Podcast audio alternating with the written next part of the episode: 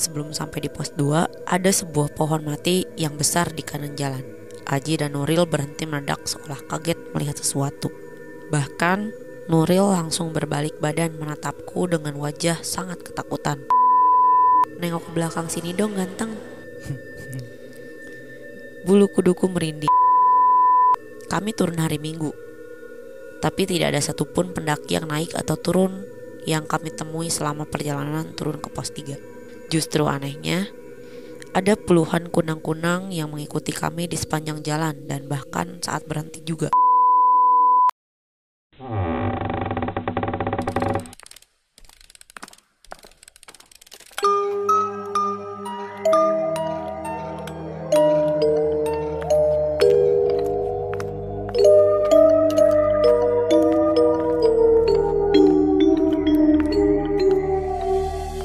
Kembali selamat datang Tuh podcast semi horror. Widih, semangat banget nih lebaran. Eh, mau menjelang Lebaran lebaran. hmm, setengah bulan lagi ya. Iya, benar. Nggak kerasa sudah setengah bulan kita puasa gimana nih? Setengah bulan ke belakang puasanya Ya. struggling kah?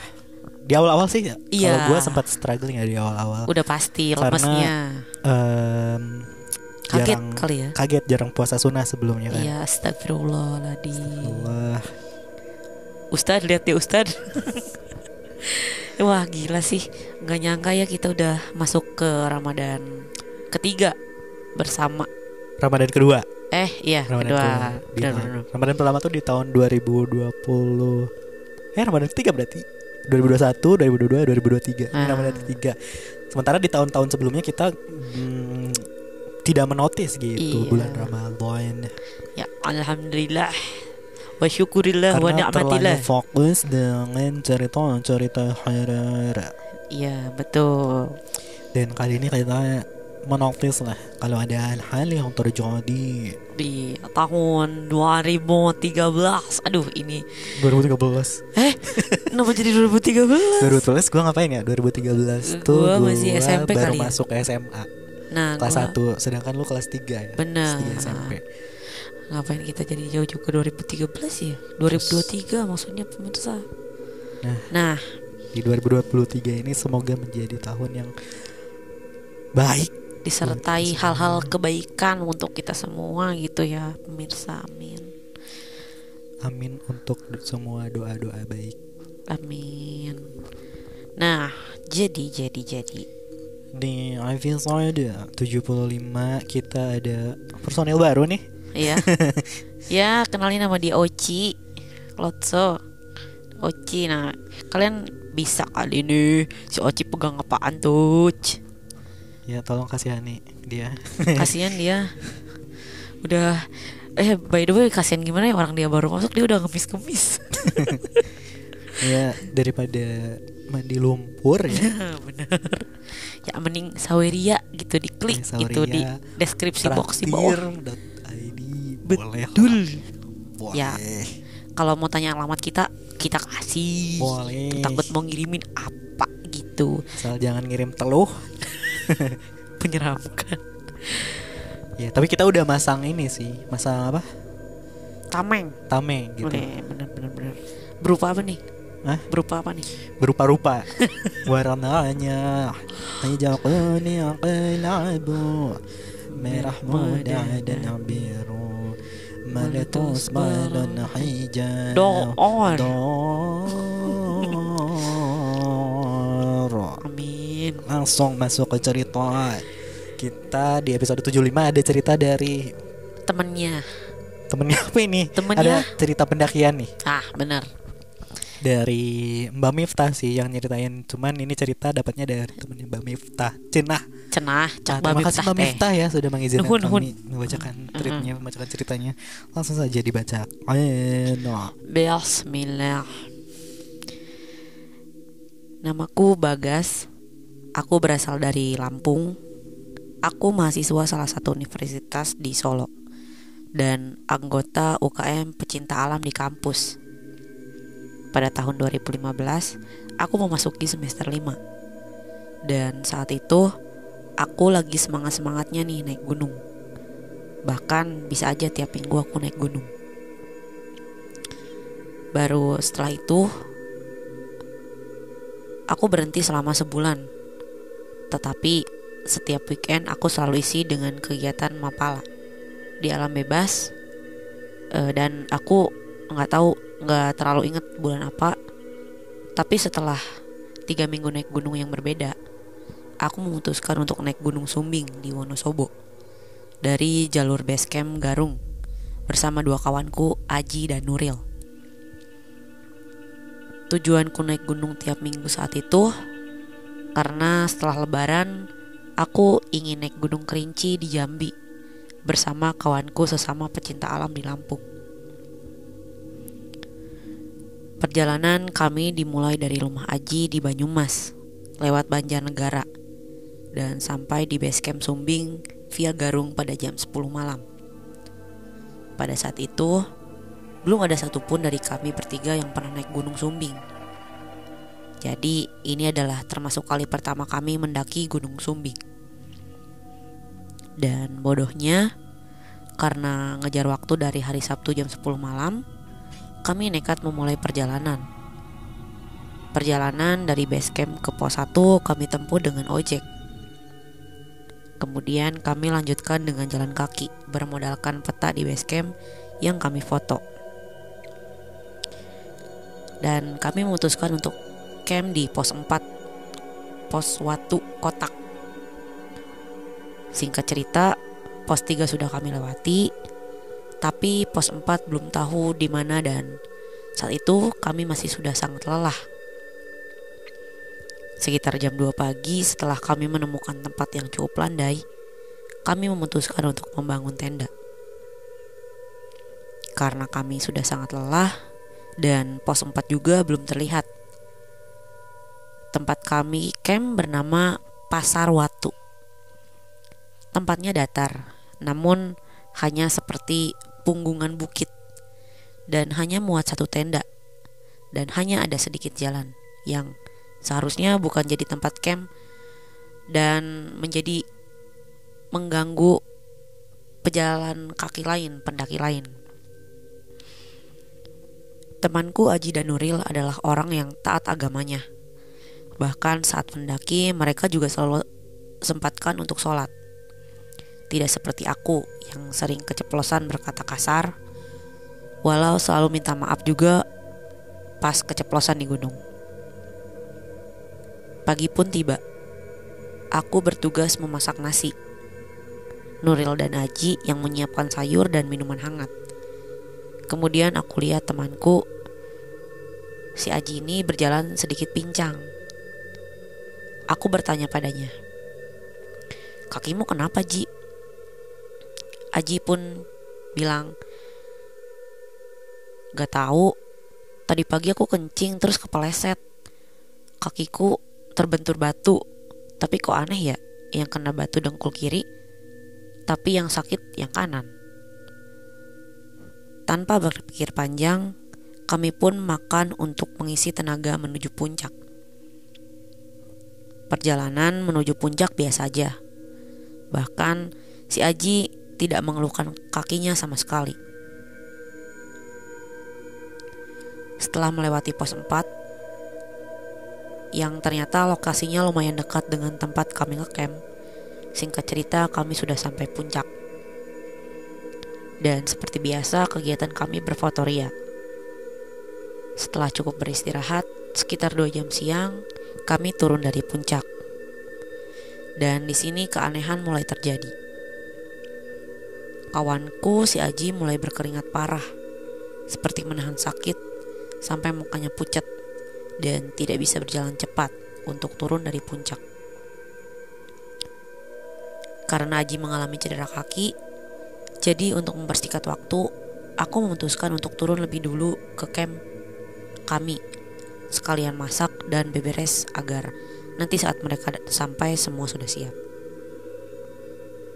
Setelah menunggu cukup lama, sekitar jam 4 sore, akhirnya mereka sampai. Aji langsung merebahkan dirinya di dalam tenda yang sudah kulepas framenya. Tinggal lipat saja. Kemudian kami makan bersama. Tapi anehnya kawanku si Aji ini mulai tidak bisa diajak bercanda dan lebih banyak diam. Tidak seperti biasanya. Saat itu aku hanya berpikir, mungkin dia jadi lebih banyak diam karena kelelahan, apalagi kakinya sedang sakit. Oh ya, aku lupa bilang, kalau sebelum kami memulai pendakian, aku selalu briefing kawan-kawan agar nanti setelah men saat mendaki, hal janggal apa pun yang bakalan kami alami, lihat atau dengar, simpan dulu di hati dan baru cerita saat sudah selesai kembali ke base camp. Dan setelah selesai makan, kami packing barang bawaan dan segera turun ke pos 3 yang terlihat dari pos Pasar Watu. Tampak tidak begitu jauh. Kita mulai turun dari Pasar Watu dan Aji sudah tidak mau diajak ngobrol, bahkan hanya menjawab dengan mengangguk atau menggeleng saja. Muka Aji juga pucat sampai ke bibir seolah kami sedang bersama orang lain. Padahal Aji adalah anak yang ceria dan suka bercanda denganku. Saking lamanya berjalan, kami sampai di pos 3 saat matahari mulai tenggelam. Lalu setelah istirahat sejenak, matahari pun hilang dan kami mulai menyalakan senter masing-masing untuk penerangan. Sambil terus berjalan dengan formasi Nuril berada di depan, Aji di tengah dan aku di belakang. Untuk memecah keheningan, aku menyalakan musik lewat MP3 di ponselku. Setiap kami beristirahat, kami harus menunggu 3-5 lagu selesai, baru Aji mau diajak jalan lagi. Itu pun dia selalu berusaha tidur, sampai sesekali harus kutampar pipinya agar kesadarannya tetap terjaga. Kami turun hari Minggu, tapi tidak ada satupun pendaki yang naik atau turun yang kami temui selama perjalanan turun ke pos 3. Justru anehnya, ada puluhan kunang-kunang yang mengikuti kami di sepanjang jalan dan bahkan saat berhenti juga. Saat itu aku berdoa, hanya ada tiga doa yang kupanjatkan. Jangan sampai pindah alam, jangan sampai si Aji kerasukan lalu lompat ke jurang, dan semoga kami bertiga selamat sampai tujuan. Sebelum sampai di pos 2, ada sebuah pohon mati yang besar di kanan jalan. Aji dan Nuril berhenti meledak seolah kaget melihat sesuatu. Bahkan Nuril langsung berbalik badan menatapku dengan wajah sangat ketakutan. Aku pun sebenarnya sangat takut, tapi aku harus jadi penenang mereka berdua. Ku sorot seluruh sisi menggunakan senter sambil berkata, Kenapa sih kalian ini? Ayo cepet jalan aja, orang gak ada apa-apa kok. Dan kebetulan saat itu aku memang tak melihat apa-apa. Singkat cerita, sampailah nih kami di pos 1 pada jam 10 malam. Di pos 1 kebetulan ada dua orang tukang ojek. Di situlah Aji baru mengucapkan sebuah kata setelah diam saja sepanjang jalan. Udah jalan aja nggak usah ngojek. Dan seolah terhipnotis, aku malah mengiakan tawaran Aji. Bodoh memang. Nuril yang sudah tidak tahan harus berjalan pelan pun memutuskan untuk jalan duluan. Aku berpesan untuk jangan terlalu jauh dan harus tetap kelihatan oleh kami berdua. Sedangkan aku dan Aji duduk di kayu yang mati di pinggir jalan. Lalu satu ojek pun turun tanpa basa-basi, hanya lewat. Kemudian tukang ojek berikutnya berjalan pelan sambil wajahnya menatap kami dengan tatapan yang serius. Lalu ojek itu berhenti di samping kami dan langsung berkata, Mas ayo bareng saya. Kemudian aku jawab, Maaf pak, kami nggak ada uang buat ngojek. Lalu tukang ojek itu bilang kalau udah nggak usah bayar, saya ini kasihan sama kalian. Di saat itu pun aku langsung paham apa yang dimaksud si tukang ojek. Oke, masalahnya adalah satu motor tukang ojek Sedangkan kami bertiga dengan membawa tas besar-besar, bagaimana mungkin bisa muat dengan satu motor? Tapi si tukang ojek bersikeras sampai berkata, Udah mas, coba dulu aja, pasti bisa kok. Lalu aku jawab, Gak muat pak, saya jalan aja. Yang penting kawan saya berdua ini bapak antar sampai ke base camp. Tapi si tukang ojek ini masih ngotot. Akhirnya karena malas berdebat, aku panggil Nuril dan bilang, Nuril, tasmu enteng kan? Sini aku bawa. Kamu bawa tasku dan naik ojek sama Aji. Kemudian Nuril pun mengiyakan. Lalu aku bilang ke tukang ojek, Pak, saya minta tolong. Yang penting teman saya berdua ini Bapak antar sampai base camp. Saya jalan kaki aja nggak apa-apa. Sambil aku mulai berjalan turun, kemudian tukang ojek pun menaruh tas mereka berdua di tengah motor dan membonceng kedua temanku dengan posisi Aji di tengah dan Nuril di belakang. Setelah itu, tukang ojek mulai berjalan dan mem memepetku yang sedang berjalan kaki sambil berkata, Mas, dekat sini dulu mas, saya omongin. Dengan deg-degan sekaligus penasaran aku menjawab, ada apa ya pak? Lalu si tukang ojek itu membaca mantra menggunakan bahasa Jawa tepat di depan wajahku. Aku hanya terbangun diam, takut, bingung, lelah, Semuanya campur aduk. Lalu tukang ojek itu mengusapkan tangannya ke wajahku sampai turun ke dadaku. Dan itu membuatku semakin gak bisa berkata ber, berkata apa-apa. Lalu si tukang ojek bilang, "Ya udah Mas, jangan khawatir. Kawannya akan saya antar sampai ke base camp. Pokoknya Mas jalan terus aja. Cuma saya minta satu hal." Mas jalan terus aja. Pokoknya apa pun yang terjadi jangan menengok ke belakang. Kemudian tukang ojek itu pun langsung melanjutkan motornya menuruni pos 1 meninggalkanku dalam kabut tebal sendirian, kebingungan dan ketakutan. Kayaknya baru kali itu aku merasa ketakutan yang sangat luar biasa hebat. Setelah mereka menghilang tertutup kabut, aku memutuskan untuk jalan terus. Ku kecilkan senter suatku sampai lingkaran terkecil agar hanya fokus ke sorotan lampu senterku. Saat itu tidak ada angin, hanya kabut tebal dan sesekali lampu desa di bawah kaki gunung bisa terlihat samar-samar. Yang kujadikan semangatku untuk segera sampai di base camp. Sialnya, aku baru berjalan beberapa menit. Rambutku yang dulu sebahu seperti ada yang membelai dari belakang. Hmm Bahkan aku bercerita seperti ini saja membuatku merinding.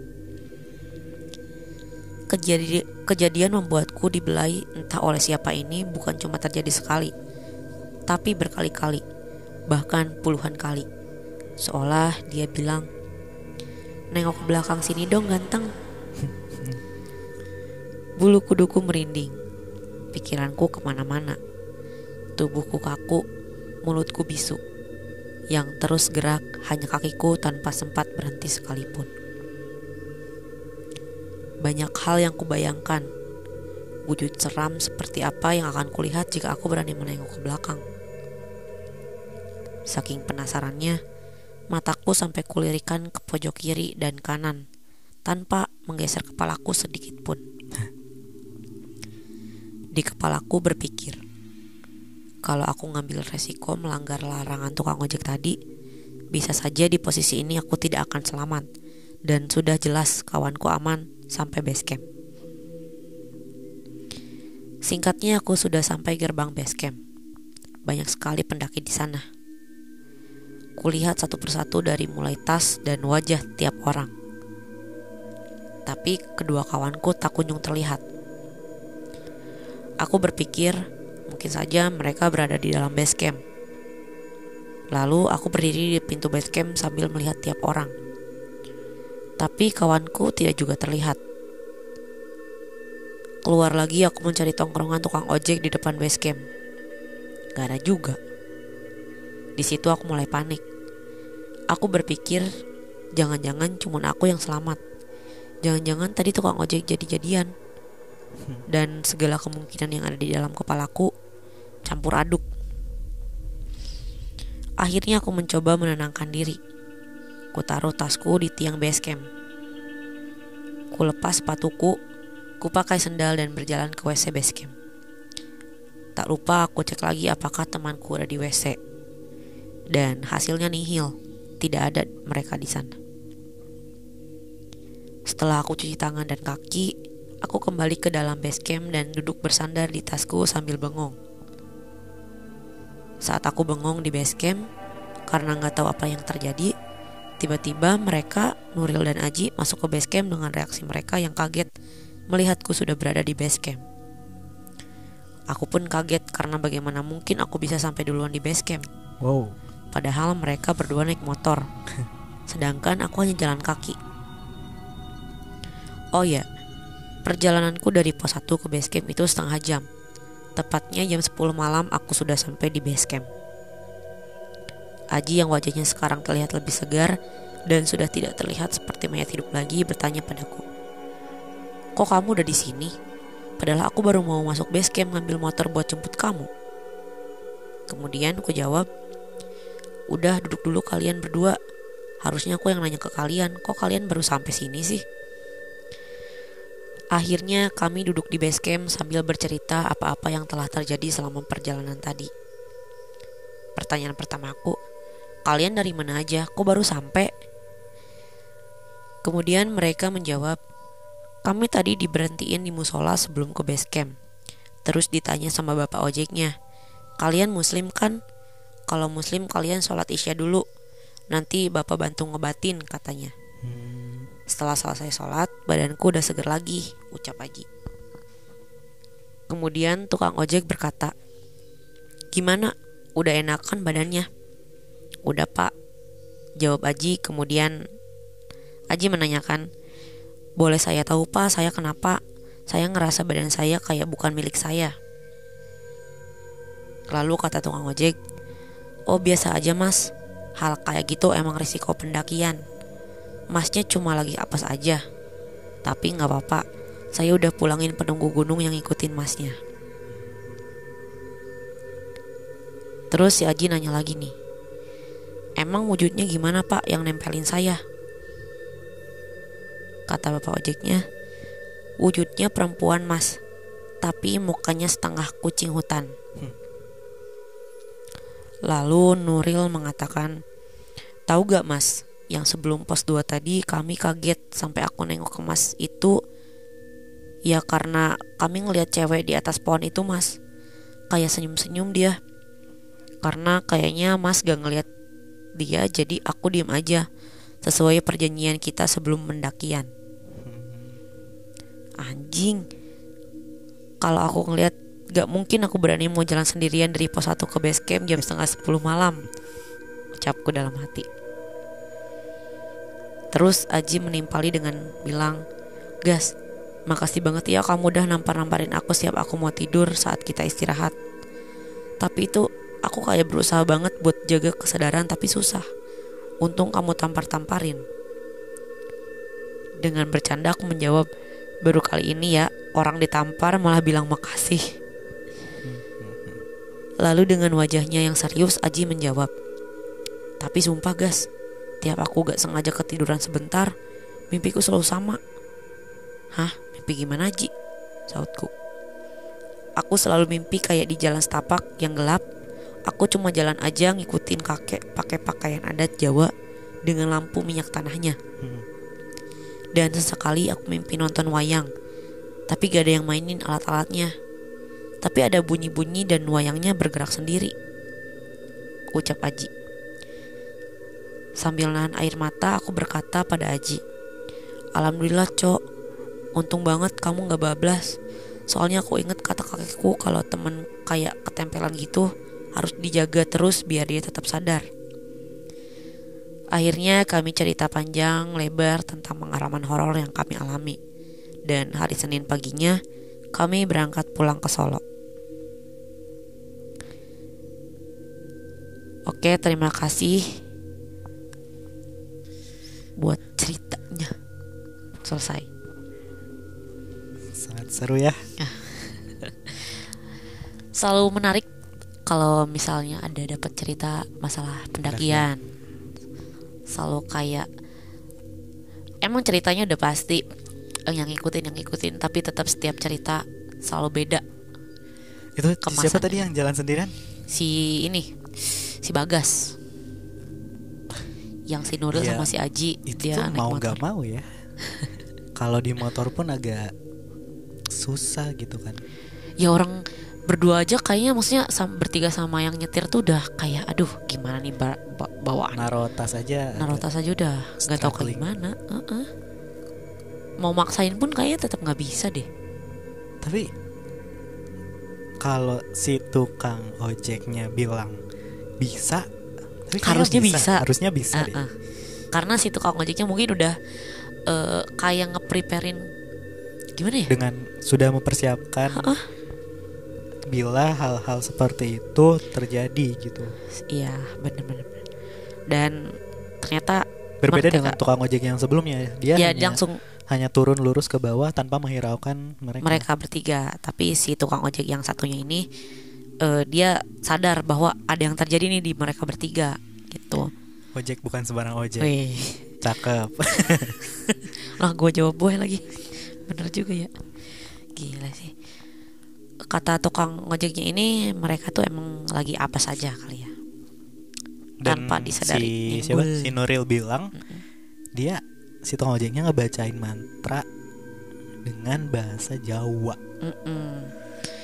kayak di kayak termasuk yang dibisikin gak sih kalau kayak gitu kayak sini sini bang saya mau bilangin mungkin langsung sep diusapin dari muka sampai ke dada katanya Dan si Nuril pun tidak terhipnotis gitu. Dia hanya memikirkan si bagas semakin kali Hah? Si yang jalan Bagas. sendiri siapa? si bagas Nah, si Bagas pun kayak ya udah yakin aja bahwa dia tuh kayak gitu. Ya, mang penolong lah aja. penolongnya Ya nurut. Nurut. Tapi dia setelah itu dia semakin takut dan ya tetap nurut sih. Ah, ah, tetap ngikutin Hanya lirik kanan kiri dengan tidak menolehkan kepalanya ke belakang. betul cuman Tapi dia sempat lihat ya ceweknya. Heeh, pas ada tukang ojeknya nyampe tuh Hmm. kayak sempat lihat di atas pohon ada cewek itu katanya yang setengah mukanya setengah Kucing hewan. hutan. eh kucing hutan heeh. Dan nggak yang nggak bisa kebayang tuh eh yang tiba-tiba ada rambut di bagian pundaknya tuh Yang Aduh. ini ngibas-ngibasin ngelus rambut dari belakang. oh, heeh. jadi ngeri banget merinding saya sendirian itu lagi. malam loh Heeh, sendirian turun. mana kabut tebel ih gak kebayang kali ya Untungnya dia udah habis tukeran tas tuh. Enggak, yang jadi masalah gini loh Eh, Si Bagas nih kan sama ibadahnya tuh bolong-bolong kan Ketimbang si Nuril sama si Aji Tapi bisa-bisanya dengan kuasa Allah dia selamat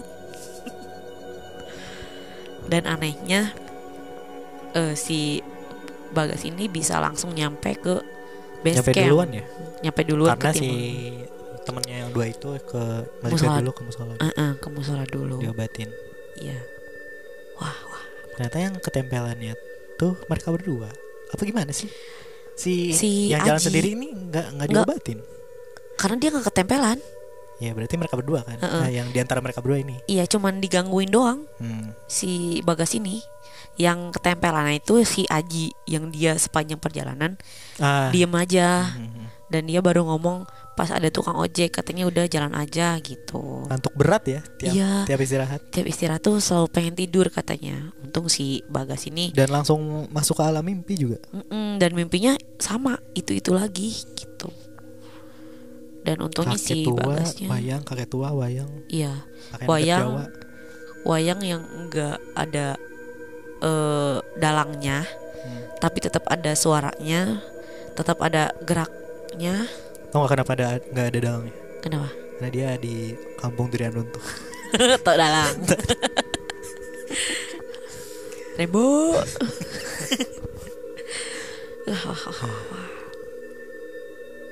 Semoga ada lagi ya yang ngirim cerita-cerita pendakian. pendakian seru Kita banget bisa nih. bacain lagi cerita pendakian. iya Walaupun kita nggak pernah mendaki Mm. Pernah sih cuman hiking doang kayak Sampai kaki gunung. ya Sampai pos satu nggak sih? sampai pos satu benar cuman kayak eh Bahkan rumah kita pun berada di, di, kaki, kaki gunung. gunung. tapi kita nggak pernah naik gunungnya gitu Nah, tiap hari itu buka pintu set. gunung gila tapi eh, kalaupun misalnya mungkin gue baru pertama kali ya naik ke gunung meskipun cuman sekedar ke pos satu doang tapi perasaannya tuh kayak gue yang biasanya ngomong eh, nyablak sana sini. Tapi pas ada pas lagi perjalanan itu semua yang pengen gue omong itu kayak ketahan gitu loh ngeri sendiri gue Kita ke kita ke Kayak ngeri sendiri. kau setan Sini aku masih panas. Rapnya langsung. Sa iya Sa iya. Sa iya. Kopi kopi kopi. Sebuah lagu dari Maestro Daki Gunung. Yo, jauhin Bang Zawin. Kalau bang. Kalau nonton ngeri kali. Mungkin kita bisa naik bareng. Naik mana nih? Gunung. Gas. bersama Bang, Bang. Zawin mari ke kuningan kita naik cermai. Naik Ciremai. dah Itu maksudnya ajakin kita ke sana ya? Iya, ya kita sendiri nggak tahu di sana gimana kondisinya. Nah semoga kalian para pendaki gitu Hmm. dilindungi. Dan katanya sih tujuan utama mendaki itu bukan Balik sampai ke rumah. puncak Hmm. Eh, tapi balik ke rumah dengan selamat katanya gitu tapi emang bener sih karena yang seru tuh di perjalanannya ya coba para pendaki prosesnya itu loh. Mm. para pendaki yang punya cerita-cerita menyeramkan Boleh DM ke Instagram kita di @podcastsemi-horror atau klik link yang ada di bio. Jangan lupa Betul. juga subscribe channel YouTube Podcast Semi Horror dan nyalakan lonceng notifikasinya. Jangan lupa juga follow Podcast Semi Horror di Spotify dan kalian bisa memberikan rating ya setelah mendengarkan episodenya. Jangan Bisa lupa kasih rating bintang 5. 5 buat yang mau masuk yang mau masuk nih si sekali lagi Hmm, yang di masih belakang kosong. ini masih kosong kasihan dia Boleh langsung aja DM atau kirim email boleh di podcastsemihorror@gmail.com. boleh Tidak bosan-bosan kami mengingatkan untuk stay safe, stay healthy dan stay with podcast. semi horror